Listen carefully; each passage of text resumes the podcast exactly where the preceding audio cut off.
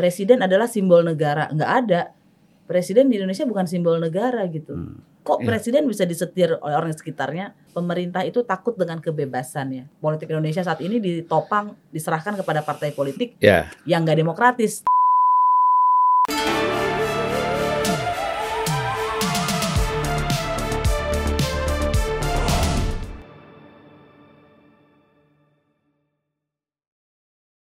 Mbak Aswin, Aspinawati ya kalau Iya, nama lengkapnya ya. Ya, dikenal sebagai seorang aktivis ya pembela hak asasi manusia dan demokrasi. Ya, sejak lama pernah menjadi ketua LBH Jakarta. Kemudian juga pernah menjabat sebagai ketua YLBHI ya, Yayasan Lembaga Bantuan Hukum Indonesia. Waktu jadi ketua LBH Jakarta itu usia berapa ya? Saya jadi direktur itu 2009, eh, 2006 sampai 2009. Itu Hmm. mungkin ya 29 tahun gitu. Waduh, muda sekali ya.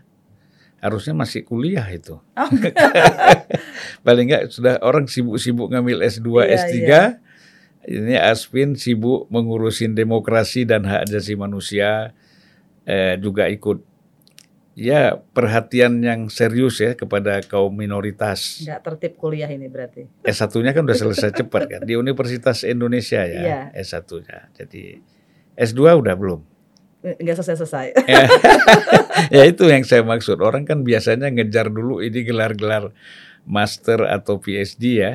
Walaupun kesempatan ada dan banyak, tapi nampaknya lebih banyak, lebih menarik langsung menangani kasus-kasus yang ada di tengah masyarakat yang saya kira tidak habis-habis. Betul. Makin lama mungkin makin menumpuk. Malah kita lihat mungkin orang yang concern dengan masalah ini mungkin makin berkurang ya Sepertinya bukan begitu. bukan Bang. semakin bertambah gitu. Eh, sebagai seorang salah satu yang dikenal sebagai aktivis ya, saya kira yang paling aktual sekarang ini adalah masalah rancangan dulu KUHP sekarang KUHP ya. Nah itu kira-kira apa yang paling menarik dari rancangan KUHP ini? Karena KUHP ini kitab gitu ya. Iya. Jadi dia mengumpulkan semua tindak pidana, maunya begitu, tindak Hmm. pidana di Indonesia. Jadi sebenarnya banyak kalau ditanya banyak apa yang menarik banyak gitu ya. Yang mengancam banyak. Hmm. Salah satunya misalnya hukum yang hidup di masyarakat.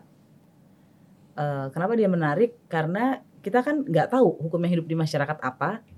Dia dia tidak tertulis, tapi dia bisa membuat orang dipidana. Hmm. Tak- Menakutkan. Nah, yang yang paling penting juga adalah soal pasal-pasal yang mengancam demokrasi, Eh, penghinaan kepada penguasa, eh, menyerang harkat martabat presiden, Hmm. Dan pejabat negara yang lain ya. Betul, karena ada penguasa umum. Jadi ada Iya. tiga apa ya, tiga bandel pasal itu yang eh, bisa mengancam demokrasi.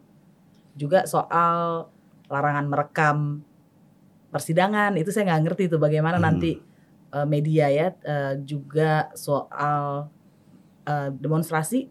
Hmm. Demonstrasi itu kalau dia dianggap mengganggu ketertiban atau mengakibatkan kerusuhan yang ukurannya kita nggak jelas itu bisa Hmm. dipidana juga. Ya sebenarnya apa sih motivasi dibuatnya KUHP ini ya, yang mungkin agak sedikit eh, menyulitkan ya bagi publik, bagi warga negara untuk mengekspresikan pikiran dan ya eh, semangatnya untuk melakukan atau mengkritisi eh, persoalan-persoalan demokrasi dan hak asasi manusia. Nah ini dia kalau kita lihat naskah akademis kan setiap undang-undang harus ada kajiannya gitu ya namanya Hmm. naskah akademis. Itu ditulis salah satunya misinya dekolonialisasi Mm-mm. karena ini RKUHP hasil dari undang-undang zaman kolonial gitu ya. Tapi kok kita lihat pasal-pasal kolonial masih ada gitu. Bahkan lebih lebih tajam mungkin ya. Betul, lebih tajam, lebih bervariasi Mm-mm. meskipun dikasih embel-embel harus dengan delik aduan lah, harus dengan ini penjelasannya ini. Tapi kan sebagai rakyat kebanyakan kita tahu itu biasanya nggak berlaku kan di dalam Hmm. pelaksanaannya. Itu kalau motivasi dari naskah akademisnya sih kayaknya baik gitu. Tapi kalau Hmm. lihat pasalnya enggak. Nah, tentu saja kita seharusnya menghadirkan presiden ya, Bang, untuk Hmm. nanya, eee, "Pak, tahu gak sih RKUHP begini, motivasi Bapak apa sih?" Gitu ya. Mm. Tapi karena presiden belum ada nih sekarang, jadi kalau kita lihat pasalnya sih menurut saya keinginannya memang menghambat kebebasan orang untuk mengkritik pemerintah ya. Jadi ada kekhawatiran yang berlebihan menurut saya eh, dalam melihat kritik Mm. gitu. Atau dia dianggap eh, selama ini di tengah-tengah masyarakat ada eh, ekspresi yang dianggap berlebihan. Nah sebetulnya kan dari selalu sepanjang usia republik ini kan kritik yang dianggap berlebihan kan selalu ada. Mm. Banyak sekali politisi sekarang ya yang di DPR lah atau di pemerintahan dulu dianggap kritiknya berlebihan oleh Orde Baru masuk penjara. Mm. Eh, terus eh, zaman ya semua presiden pasti ada aja yang ditangkap karena dianggap Iya. menghina presiden ya.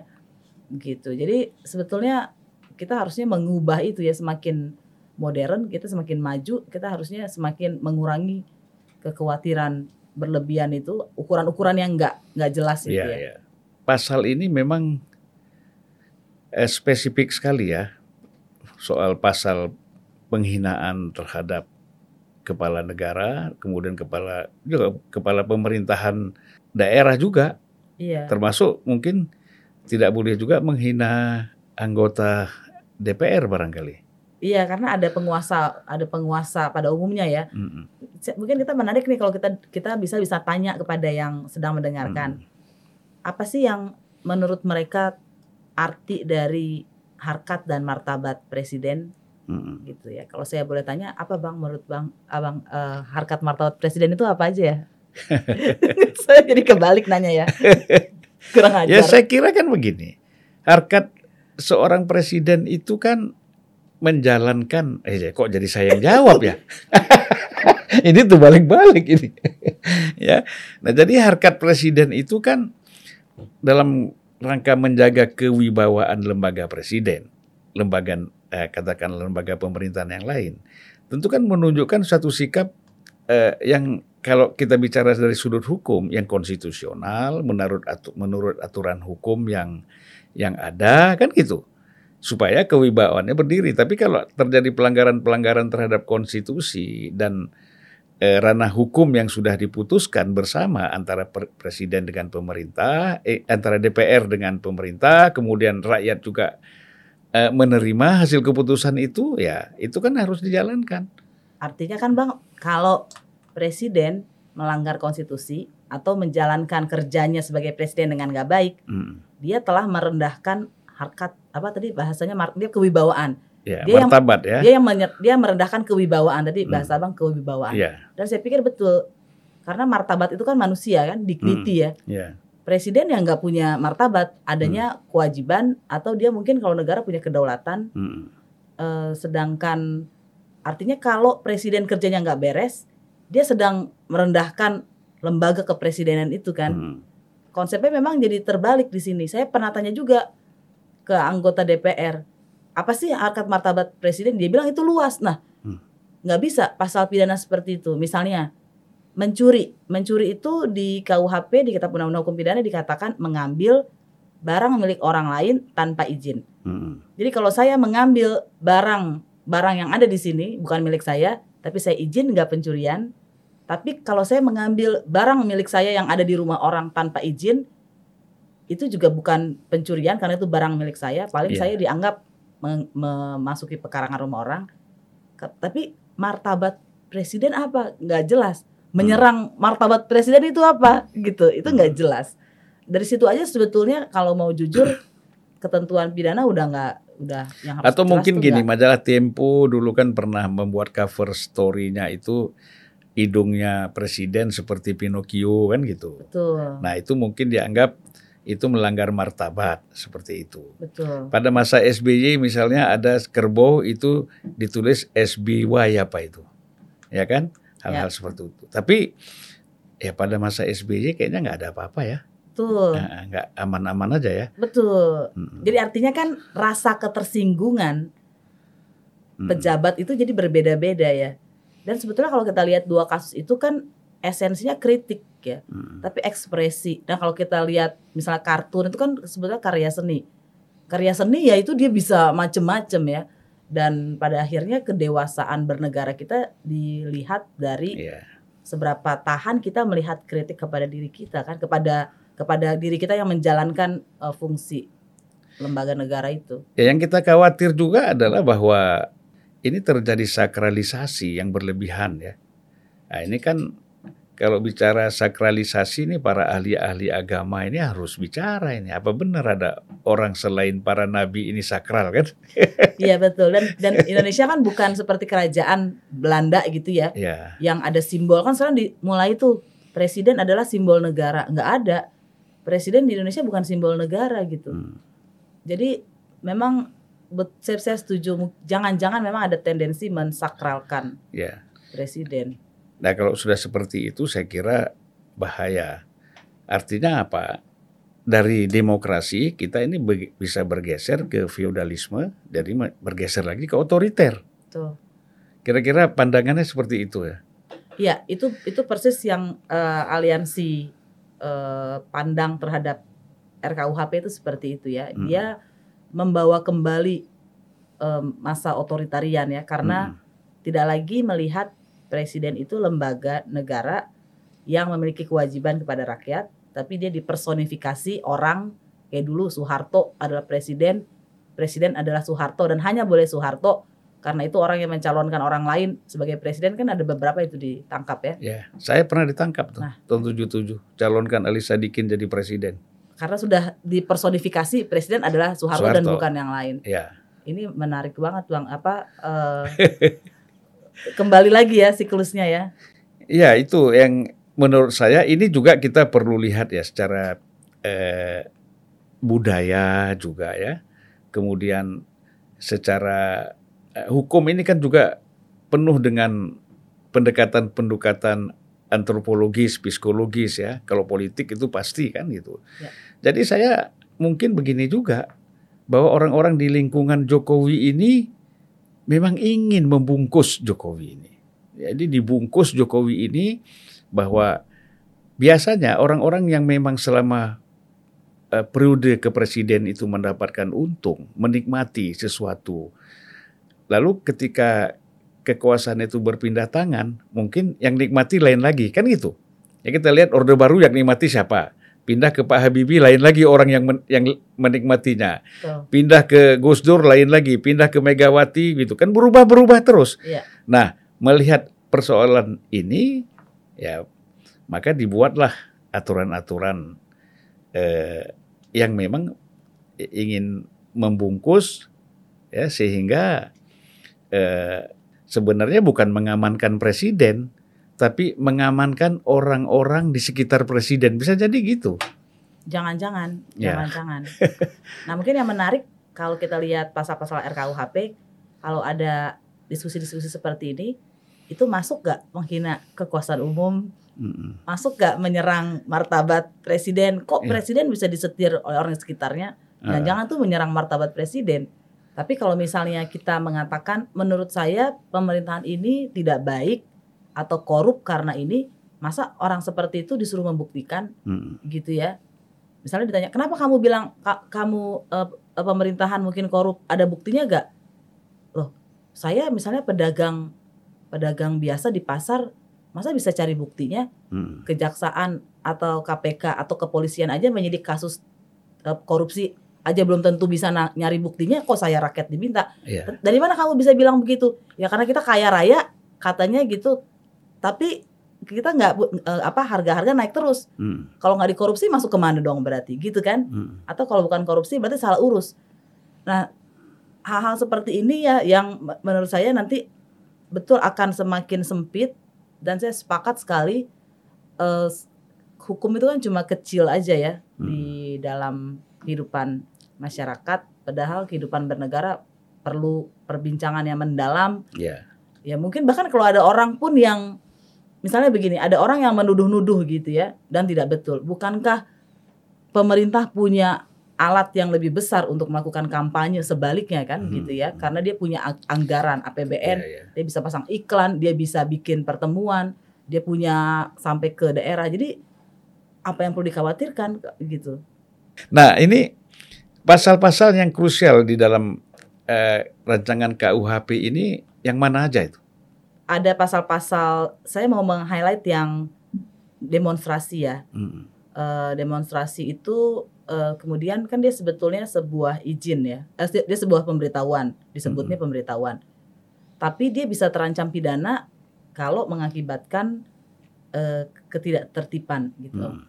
Nah, macet bukannya ketidaktertiban. Jadi lagi-lagi ada uns- unsur-unsur pasal yang nggak jelas.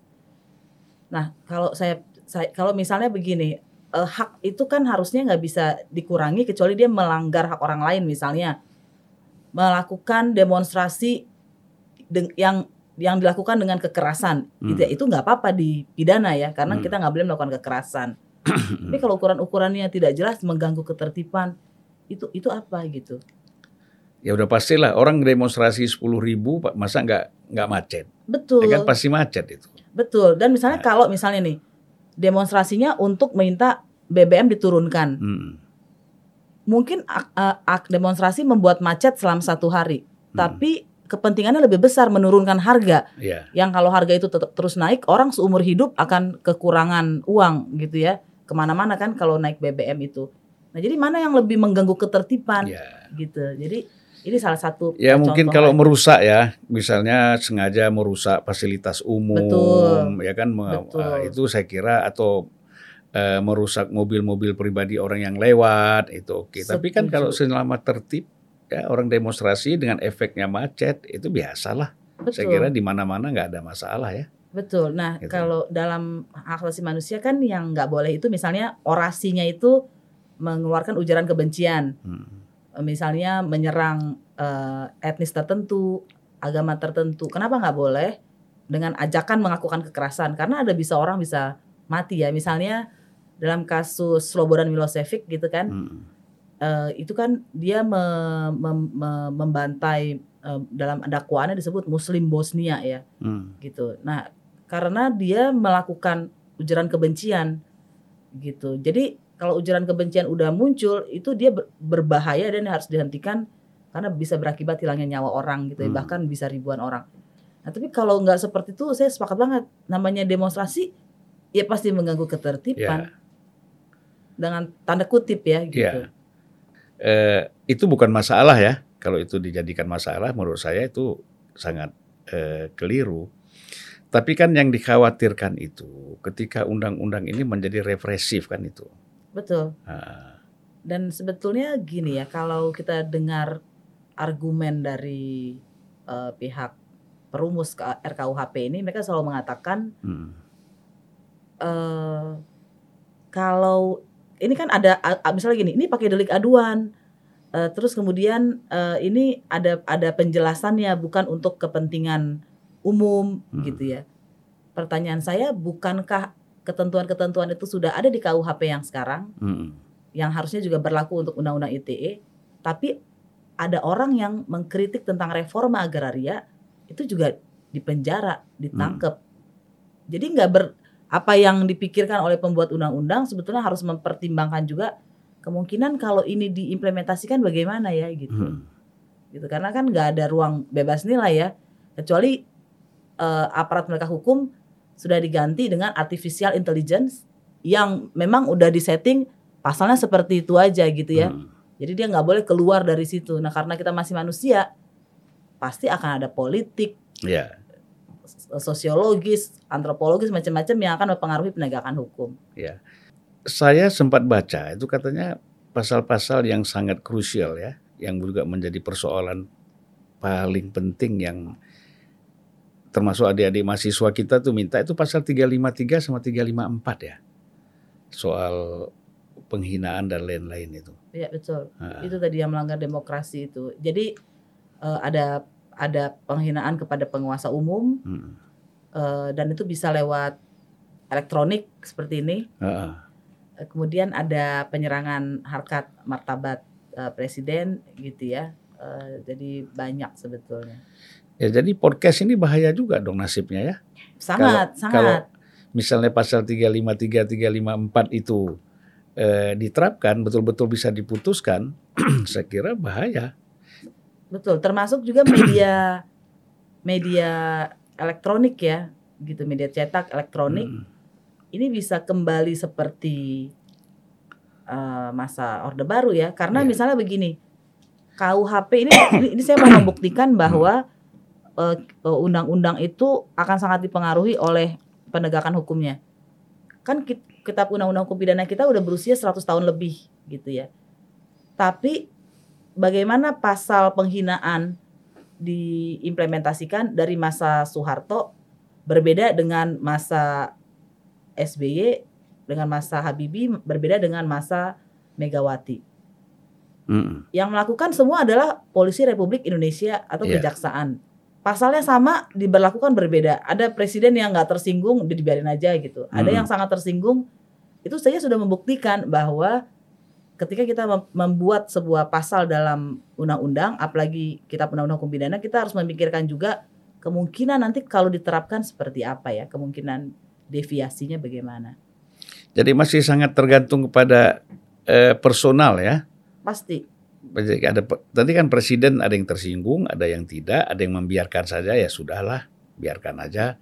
Yang penting kita kerja dengan baik, kita buktikan bahwa kita memang mencintai rakyat ya. Sebenarnya begitu ya.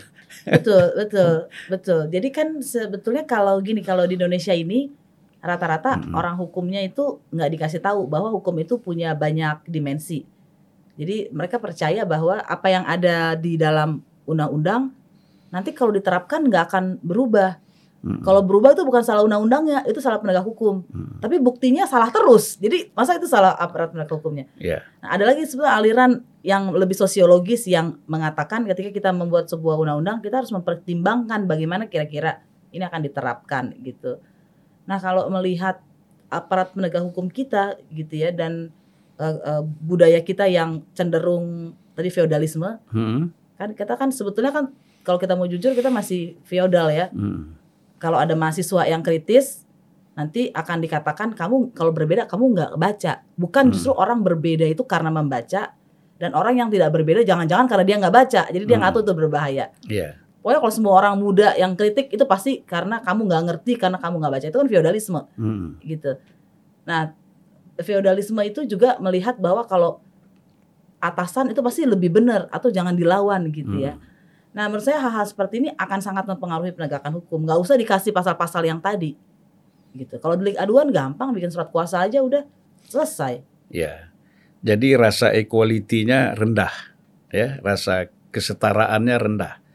Sebenarnya kan penghormatan kepada pejabat negara itu kan ke mana pada fungsinya bukan kepada personnya kan. Betul. Secara person kan dia equal. Ya kan? Betul. Eh, tidak perlu eh, mendapatkan eh, apa? eh, hak-hak yang terlalu istimewa Benar. gitu. Dan saya jadi ingat, Bang, itu ada di putusan MK. Hmm. Kan eh, pasal-pasal pasal-pasal sejenis di KUHP kan sudah diuji kan, udah diuji di Mahkamah Konstitusi. Iya.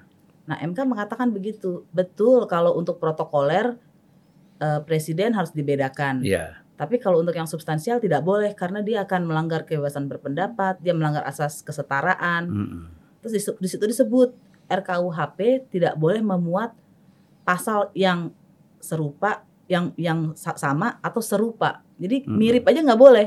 Ini kan udah mirip-mirip ya, Mm. hawa-hawanya sama gitu. Jadi sebetulnya pembuat undang-undang ini memaksakan diri ya, dan juga pemerintah memaksakan diri untuk me- memasukkan pasal-pasal ini meskipun putusan MK udah mengatakan jangan yang serupa aja nggak boleh. Hmm. Ya itu karena ini kan eh, ada suatu kekhawatiran ya dalam penerapannya itu bisa ya bisa berlebihan Tuh, bagi eh, bagi warga negara lah, bagi masyarakat ya. Saya ingat dulu kita ya waktu aktivis tahun-tahun 70-an ya. itu kita kan selalu berangkat dari pasal 28 Undang-Undang Dasar 45 itu ya.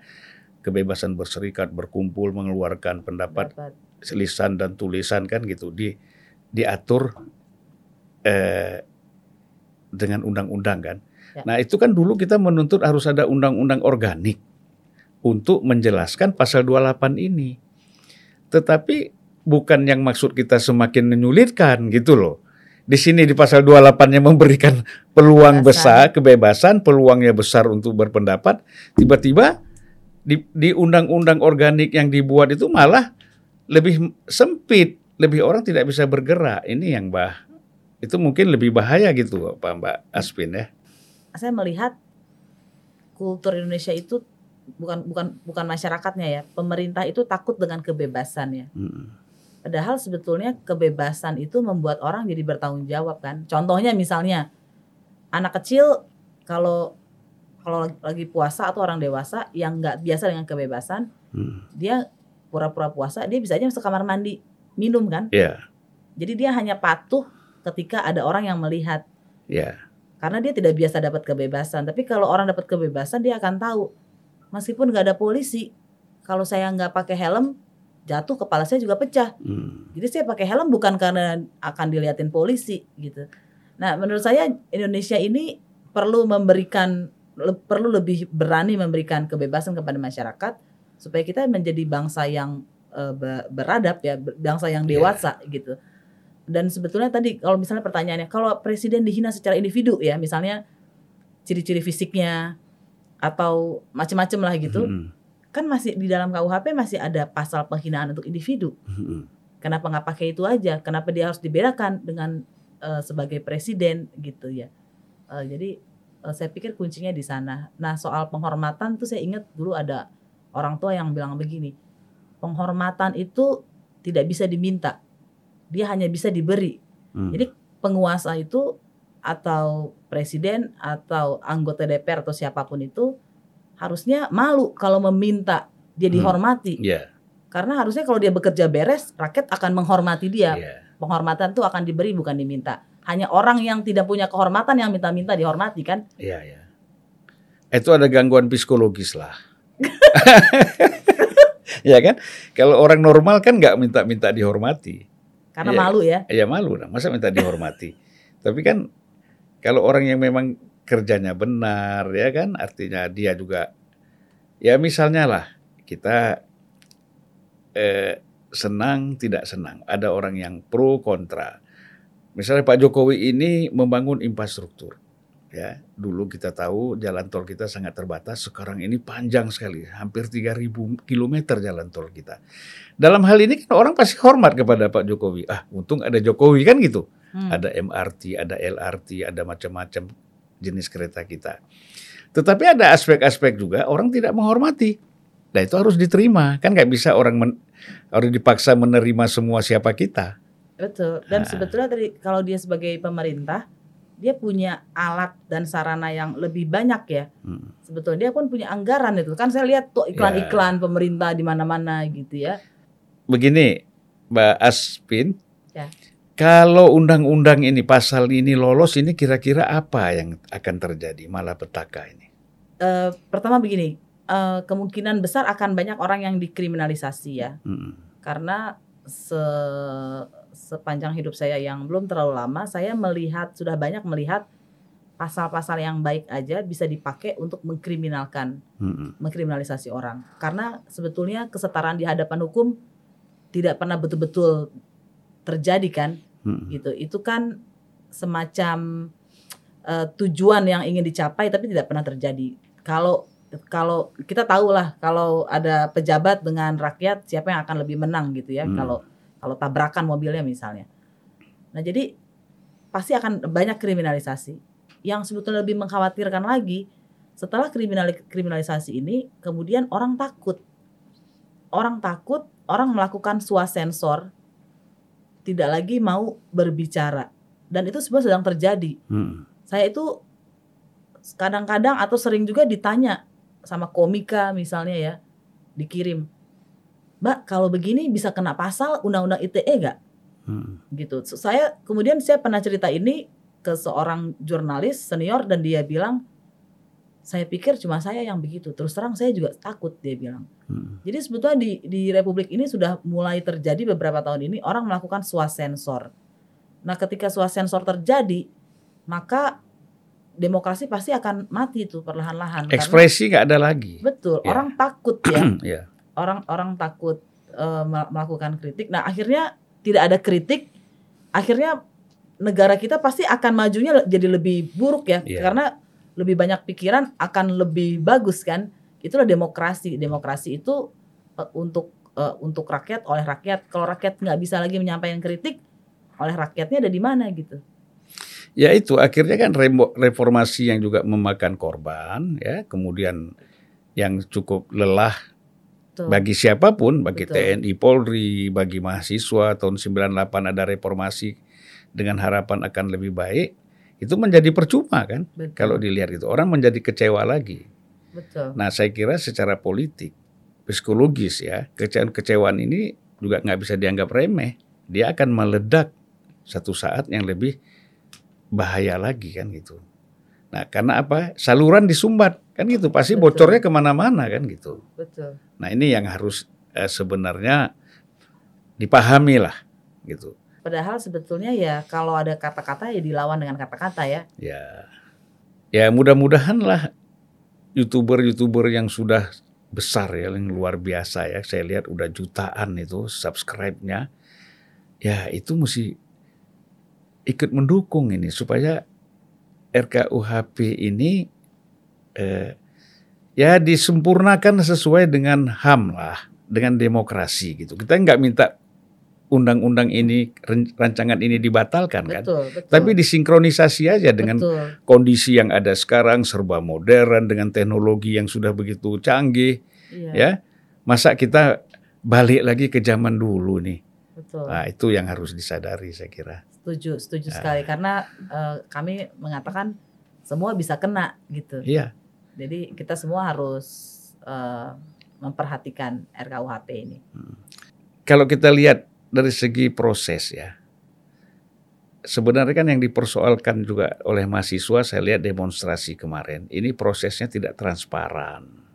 Ya kenapa sih tidak dibuka Ya, kepada masyarakat? Kan biasa tuh kita ya muatlah di satu muka koran gitu kan berapa lembar ini loh RKUHP yang kita musahkan tolong minta pendapat segala macam kan gitu sekarang menurut Mbak Aspin ini agak tertutup ya Iya, jadi sebetulnya sebelum aksi besar 2019 itu reformasi Hmm. di korupsi, draft itu terbuka. Dia Hmm. bisa di dia ada di website dan bisa dilacak perubahan-perubahannya. ya Karena itu saya masih simpan itu draft RKUHP KUHP versi eh, Ya. Juli versi ini versi ini.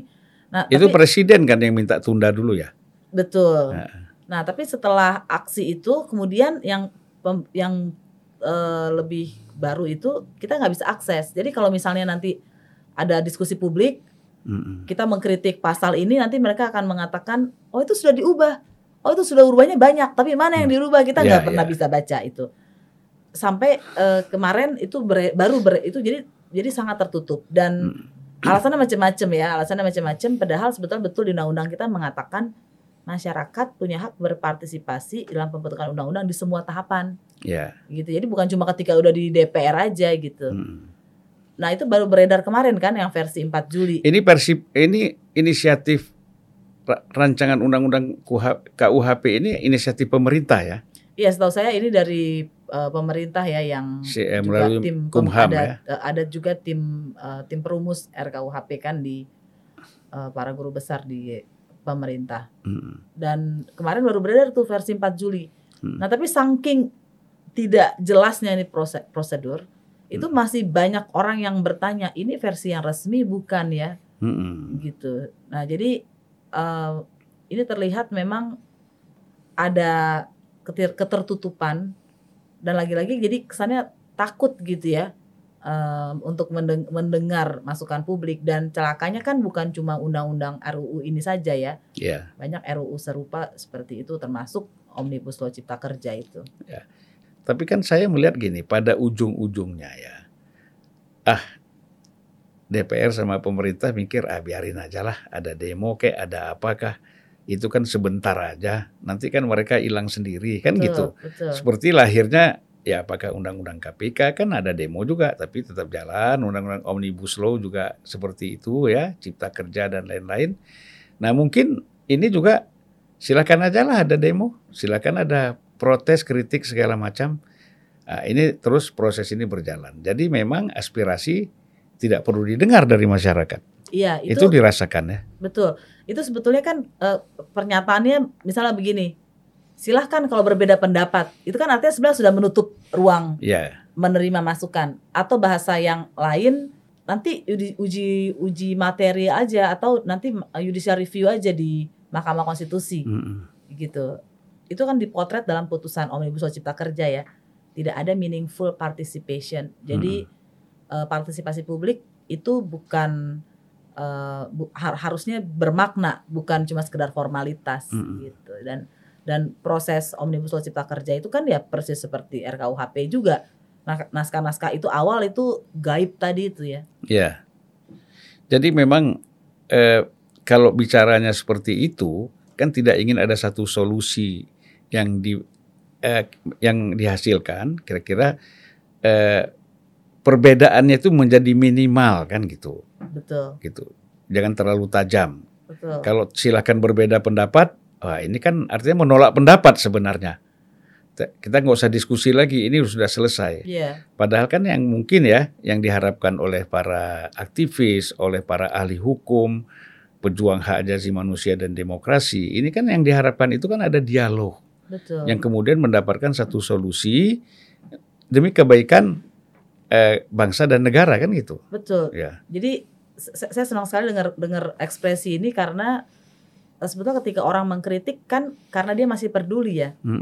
Iya, begitu. Dan kalau orang yang peduli kemudian selalu ditolak, dia akan oh berarti nega, nega- pemerintah ini nggak nggak nggak dengerin kita lagi, udah Iya. biarin aja lah gitu ya. Mm. Itu kan justru berbahaya karena misalnya anak-anak muda ini akan belajar oh begini ya cara bernegara. Mm. Ada dua kemungkinan dia patah semangat, patah arang, saya tidak mau lagi menjadi apatis ya. apatis betul yang selama ini selalu dikritik anak muda apatis tapi ketika anak mudanya nggak apatis nggak didengar Iya, iya. dia akan apatis dan negara pasti akan lebih nggak bagus itu kalau warga negaranya rakyatnya apatis Biasanya kan gini, kalau pemerintahan otoriter itu ya mengharapkan para eh, orang-orang yang kritis itu apatis, nanti lama-lama apolitis, betul ya kan malas dengan dunia politik. Nah, ini bahaya lagi. Akhirnya politik diisi oleh orang-orang yang eh nggak tahu isinya seperti apa. benar Nah, jadi memang saya sepakat sebetulnya ini yang dipertaruhkan bukan hanya RKUHP tapi secara Hmm. jangka panjang sebetulnya kehidupan bernegara kita ya apakah kita akan kembali Hmm. kepada kultur eh, tadi depolitisasi ya kan Iya. Orde Baru melakukan depolitisasi dan akibatnya sampai sekarang ya orang merasa percuma lah saya kritik saya, saya ikut ikutan hmm. nanti saya dipenjara lagi gitu ya, atau nggak ada Iya, gunanya gitu iya. ya Jadi selamatkan diri masing-masing lah. betul betul dan justru karena menyelamatkan diri masing-masing semua nggak selamat Ini saya kan melihat ada ya bukan ancaman ya, mahasiswa kan nggak bisa mengancam. Hanya mereka mengatakan mereka kepengen dialog lah tuh supaya aspirasi mereka didengar. Nah kemudian pasti kita tahu kalau ini tidak terjadi kan terjadi eh, satu gerakan yang saya kira masif ya dari civil society kita. Mungkin bukan hanya mahasiswa ini. Ya. Nah ini kira-kira bisa terjadi nggak seperti itu Mbak Apis? Mungkin saja gitu ya Hmm. kan sebetulnya demonstrasi sudah terjadi ya di beberapa wilayah loh tidak hanya Iya, di Jakarta Iya.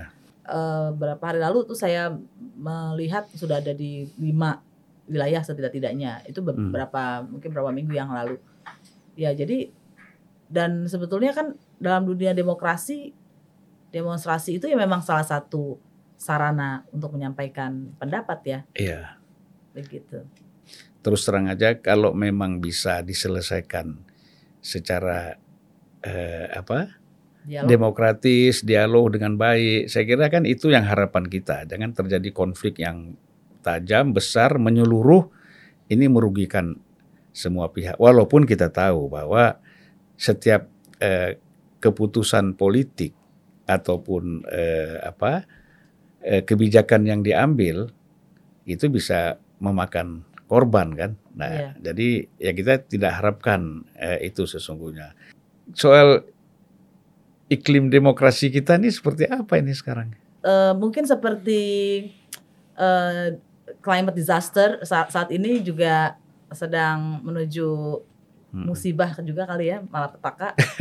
Karena tadi kita banyak ngomongin soal iklim ya. Iya, Mungkin kalau kita ngomong hukum sangat sempit, tapi kalau kita bicara politik itu kan lebih luas lagi ya. Hmm. Dan ka- kalau bicara lebih luas lagi, artinya kita bisa meneropong lebih banyak lagi kerusakan-kerusakan di kultur politiknya dan lain-lain ya. Iya. Saya pikir ya kita sedang sedang menuju men- men- menurun ya, sedang sedang turun Eh, dan ya memang jangan-jangan kita perlu sampai ke titik nadir ya, sampai supaya kita bisa naik lagi ya Hmm. eh, eh, iklim politiknya karena eh, politik Indonesia saat ini ditopang diserahkan kepada partai politik Ya, yang nggak demokratis tapi Iya. jadi demokrasi kita diserahkan kepada partai politik padahal Hmm. partai politiknya tidak demokratis ya inilah problem yang harus secara bertahap ya.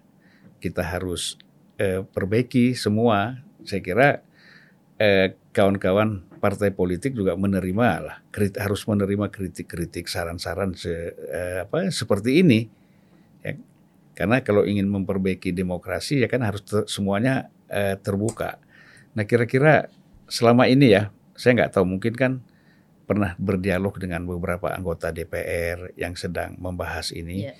Kira-kira apa sih alasannya kok terlalu ngotot ini harus rancangan ini harus disahkan dan tidak pasal itu pasal yang 353 354 itu dipertahankan kira-kira. Sebetulnya tuh saya agak lupa dua minggu lalu ya kalau saya tidak salah ingat ada rapat yang Hmm. disiarkan secara terbuka ya melalui YouTube eh, Iya. kepada publik. Nah di sana anggota DPR ada yang mengatakan kami ya ikut saja dari pemerintah kira-kira begitulah. Mm-mm. Nah, jadi saya melihat memang tidak ada sikap mandiri ya dari beberapa atau banyak anggota DPR kepada Iya. eh, sikap pemerintah gitu, termasuk naskah-naskah rancangan undang-undang eh, yang tidak hanya dari untuk RKU KUHP tapi juga Omnibus Law Cipta Kerja, revisi Hmm. undang-undang KPK kan begitu semua ya Iya. polanya sama. Jadi saya pikir masalahnya ada di situ ya. Kita nggak bisa lagi membedakan apakah kalau kita menjadi koalisi partai penguasa kita adalah bagian dari pemerintah itu atau kita masih menjadi anggota DPR yang tanggung jawabnya kepada rakyat bukan kepada koalisi partai penguasa itu atau bertanggung jawab kepada ketua partai. Ini peluang untuk disahkan rancangan undang-undang ini bagaimana? Besar nggak peluangnya? Menurut saya besar ya karena Hmm. anggota DPR ber- berada pada sikap kami akan ikut Hmm. dari naskahnya pemerintah gitu. Saya Iya. menangkap eh, kesan itu dan sebetulnya kan mereka menganggap yang bermasalah itu hanya 14 isu. Padahal eh, aliansi menganggap lebih dari itu, setidak-tidaknya 24 Hmm. isu. Itu itu sih sudah ada masalah angka di situ ya. Eh, jadi be- ini besar banget. Jadi memang menurut saya ini kita hidup sekali, usia KUHP udah 100 Hmm. tahun dan mungkin akan disahkan dalam berapa hari atau berapa minggu. Ya gunakanlah waktu ini untuk eh, mendukung eh, gerakan supaya RKUHP menjadi lebih demokratis. Ya, artinya pasal ini sangat bahaya buat HAM dan demokrasi menurutnya. sangat sangat Gitu ya. sangat dia eh, dia tidak hanya akan berbahaya ketika diimplementasikan kalaupun dia tidak diimplementasikan dia telah melululantakkan konsep-konsep demokrasi dan ham itu sendiri Hmm. tadi misalnya bahwa yang punya martabat bukan manusia tapi presiden Hmm. padahal presiden adalah sebuah lembaga gitu yang harusnya dia diserahi tanggung ke- kewajiban. Karena hak itu adalah rakyat individu dan individu berkumpul untuk menciptakan lembaga itu. Ya, kenapa lembaga itu menjadi hidup dipersonifikasi dan mengatakan saya punya martabat di atas dignity martabat manusia. Pak Jokowi ini kan pernah ya dia membatalkan eh bukan membatalkan menunda pembahasan ini. Kalau kita hitung eh, 2019 sekarang udah tiga tahun. Dua- 20 21 22 tiga tahun dia menunda. Tapi di dalam penundaan ini saya nggak tahu ada nggak perubahan dari 2019 ke 2022 ini?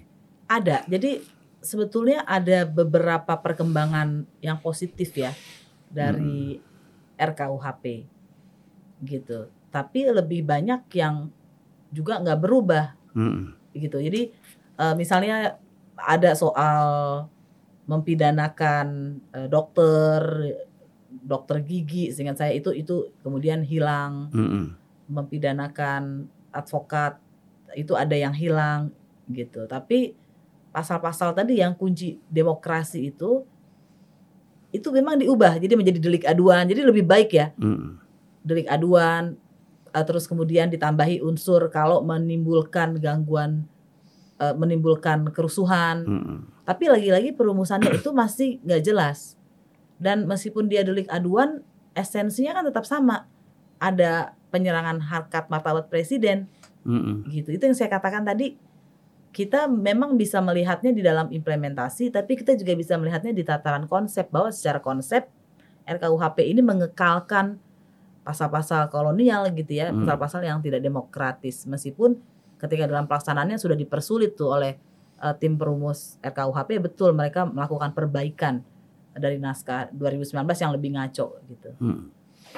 Ya itu artinya memang tidak ada semangat untuk melakukan eh, perubahan ya dari ini kan kita bicara azas kan gitu. Azasnya dulu. Jadi jangan kita melakukan perubahan pada aspek-aspek yang yang eh, Teknis. teknis.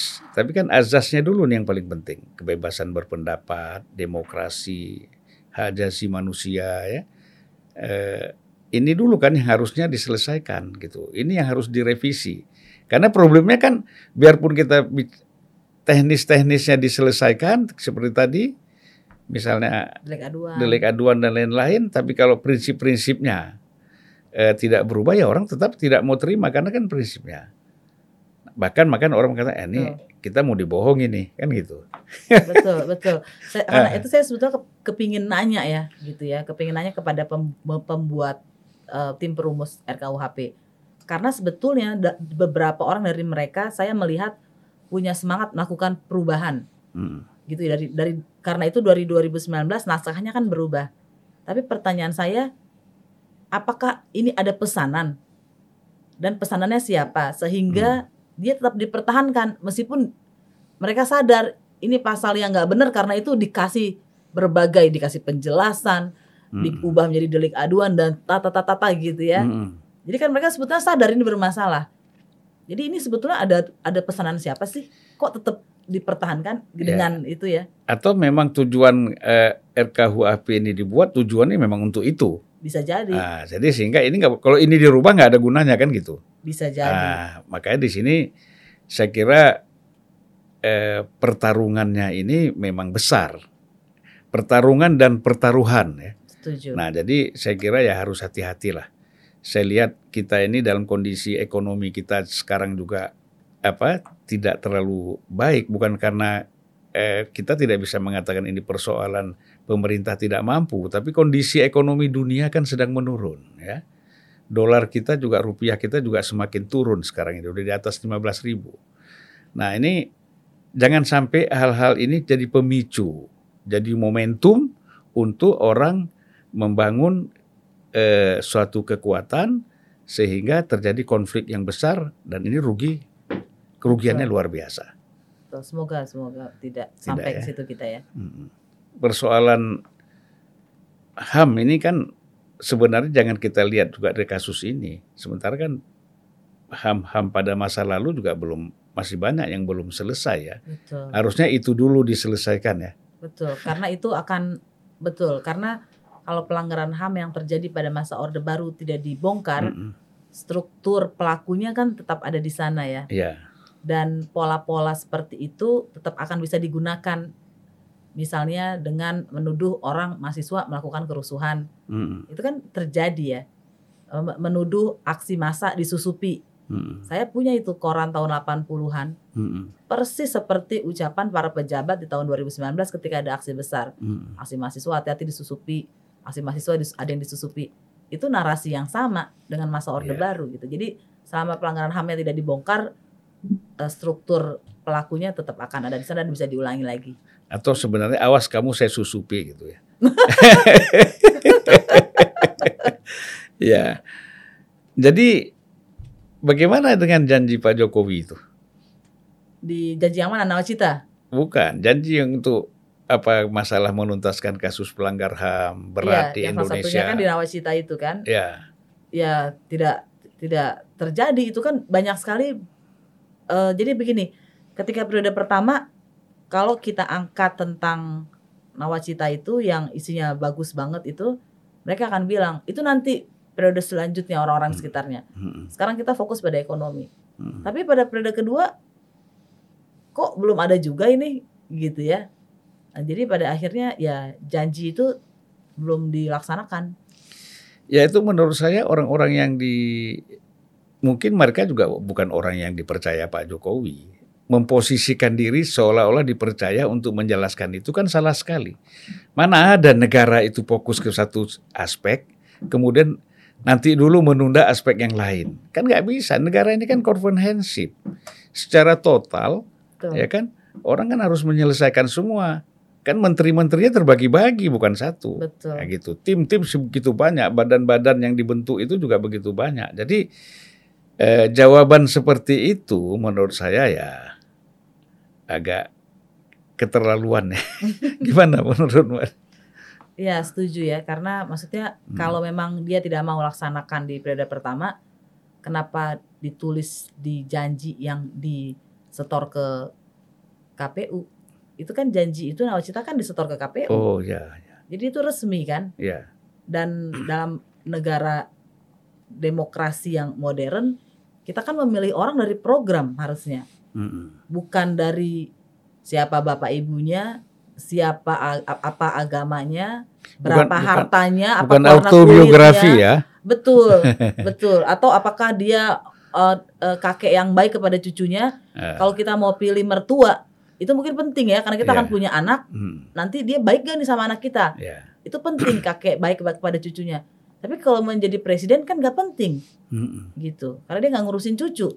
Ngurusin warga negara, rakyat. Betul. Ya. Betul. Nah, jadi sebetulnya kalau ada presiden janji kampanye itu tidak dilaksanakan Mm.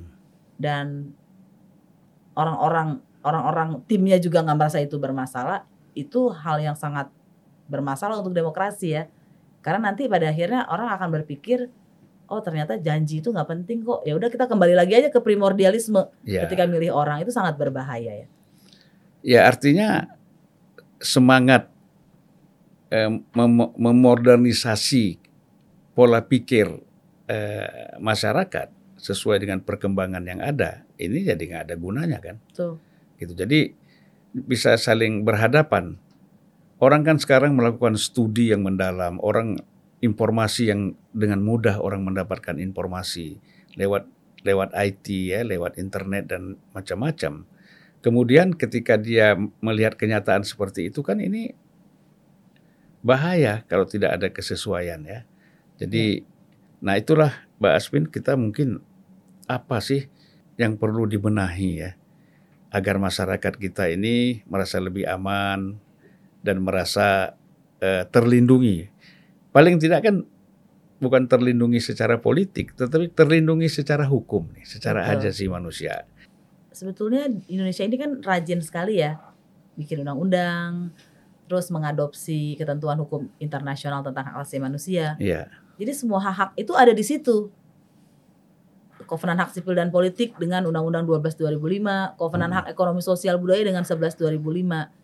Kalau kita patuh saja pada itu, negara kita udah lumayan sekali gitu. Udah selesai lah. Nah, jadi saya melihat pemerintah ini termasuk juga anggota DPR dan pengadilan itu menjalankan apa yang tertulis di undang-undang aja sulit. Hmm. Tapi menuntut rakyat harus patuh pada hukum. Iya. Nah, kalau pengalaman saya sebetulnya yang harus di- disuruh patuh kepada hukum itu adalah pemerintah, hakim atau juga DPR gitu. Iya. Jadi itu sih sebetulnya itu sebetulnya sangat sederhana tapi pasti tidak sederhana kalau dijalankan ya. Karena ada berbagai kepentingan. Jadi sosiali hukum itu sosialisasi hukum itu diutamakan kepada penyelenggara negara, kan gitu. Kalau hari ini bagaimana melihat ini? Pastilah ada gini kan. Semua orang itu kan gua nih kepingin aduh Indonesia ini seperti inilah harusnya gitu kan. Kalau saya sih harapannya orang semua orang di Indonesia itu rakyat Indonesia itu eh, mimpi saya tuh sebetulnya ya mereka bisa hidup layak ya Hmm. Ada rumah yang eh, enak, ada ma- makan nggak sulit, eh, pendidikan tidak susah dijangkau. Kalau sakit mereka nggak harus susah payah mencari pengobatan Mm-mm. ya. Dan dan itu kan ternyata sulit sekali ya dilaksanakan ya.